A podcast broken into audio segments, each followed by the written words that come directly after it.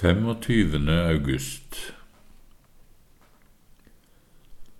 Fra Salme 68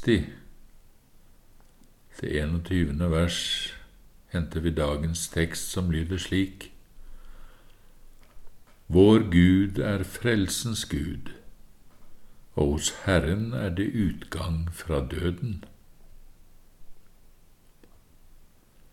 Rosenius sier, Guds barn gleder seg ofte hjertelig i håpet til den salige stund da de skal gå fra nød og usselhet og inn i herligheten. Likevel kan de av og til også skjelve med tanke på døden, men det kommer bare helt naturlig av at de ennå ikke er bare ånd, men også kjød og blod, og at, som Luther sier, det dumme kjødet ikke vet bedre. Er du fremmed for Gud, er samvittigheten syk, og du ikke har visshet om at du har Guds vennskap, da er det jo ikke underlig om du skjelver med tanke på døden. Og da har du all grunn til snarest å søke å få denne vissheten. Men når du selv er en som for øvrig har et godt forhold til Gud, og likevel av og til gripes av en underlig angst for døden, så bør du nok legge merke til hvordan denne oppstår, for det er intet annet enn Satans glødende piler. Slik prøver den onde fienden så lenge han kan, å såre de troendes følsomme hjerter og da er det ikke noe annet som hjelper enn å påkalle ham som har makt til å drive ut djevler. Ellers er det særlig to ting vi skal merke oss når frykt for døden setter inn. For det første at ingenting kan hende oss uten at det er sendt oss av vår trofaste Far. Ikke engang så lite som et hår kan falle av hodet vårt langt mindre noe så stort som å flyttes fra livet her og over i evigheten. Vi må ikke helt glemme at vår trofaste og sannferdige Frelser har sagt til og med alle hårene på hodene deres er talt. Blir ikke to spurver solgt for en kobbermynt, og ikke én av dem faller til jorden uten deres fars vilje? Frykt derfor ikke, dere er mer verd enn mange spurver.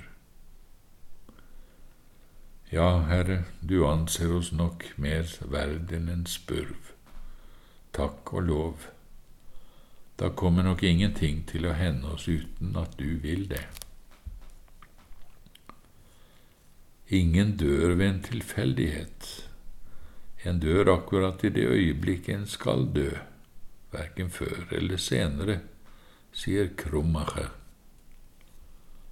I din bok var de alle skrevet ned, de dager som var fastlagt for meg, før en eneste av dem var kommet, sier David. Og Jobb sier, Du har fastsatt en grense som intet menneske kan overskride. Det er slik verken sykdom eller sverd, men Gud som bestemmer over døden. Og derfor burde ikke kristne mennesker frykte for døden, når det er Gud selv som bestemmer over den. Ingen ulykke, ingen morder eller pest kan skade dem, så lenge ikke den time er kommet som står skrevet ved siden av ditt navn i den store boken i himmelen og for det andre, om så kjødet stritter imot, er det likevel godt når Herrens time kommer, at Han kaller oss hjem. En mor må ofte tvinge barnet sitt i seng, må holde de små armene stille helt til barnet, trett av gråt, sovner. Men så var det også bare godt for barnet å få sove. Slik er det også for en kristen så uendelig godt når han får sovne inn i troen, fra en verden full av elendighet, farer, synd og sorg, selv om kjødet ikke elsker den søvnen. Vi må bare takke Gud for at denne vår avsky for døden ikke fordømmer oss, fordi vi under alle forhold lever på forlatelsen. For vår benådning bygger på en langt fastere grunn enn at den skulle rokkes av noen som helst svakhet eller synd, så lenge vi enda har vårt eneste håp i Kristus. Og hva skjer så når Herren kaller oss hjem?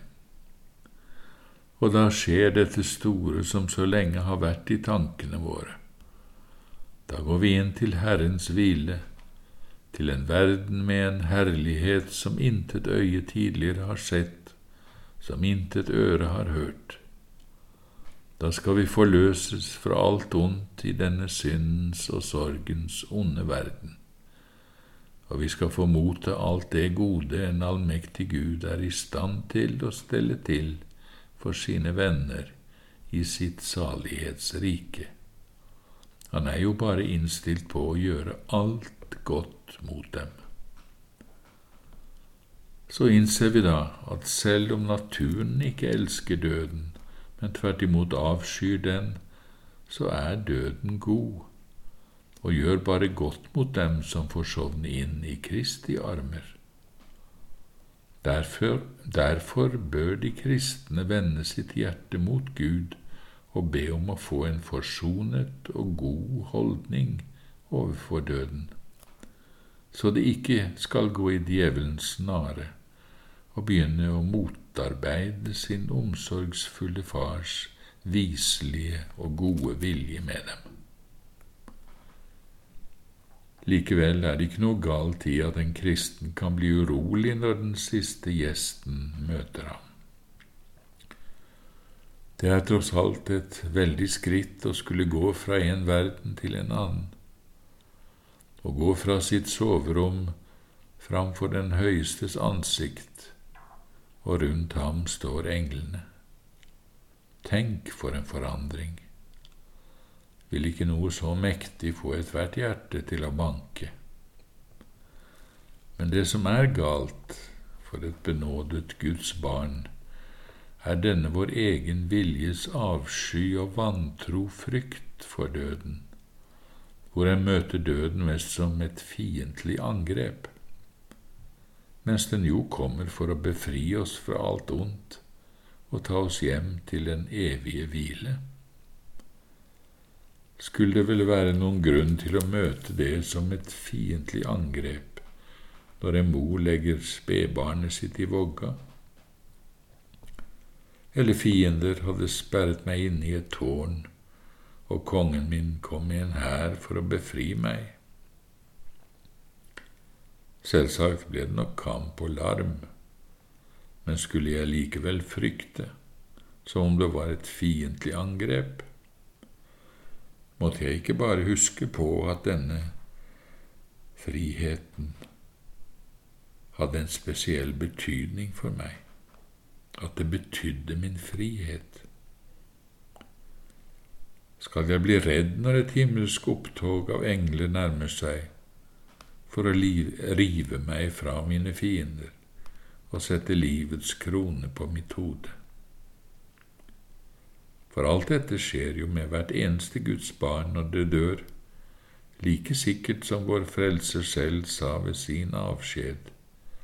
Jeg kommer igjen og tar dere til meg, for der jeg er, der skal også dere være.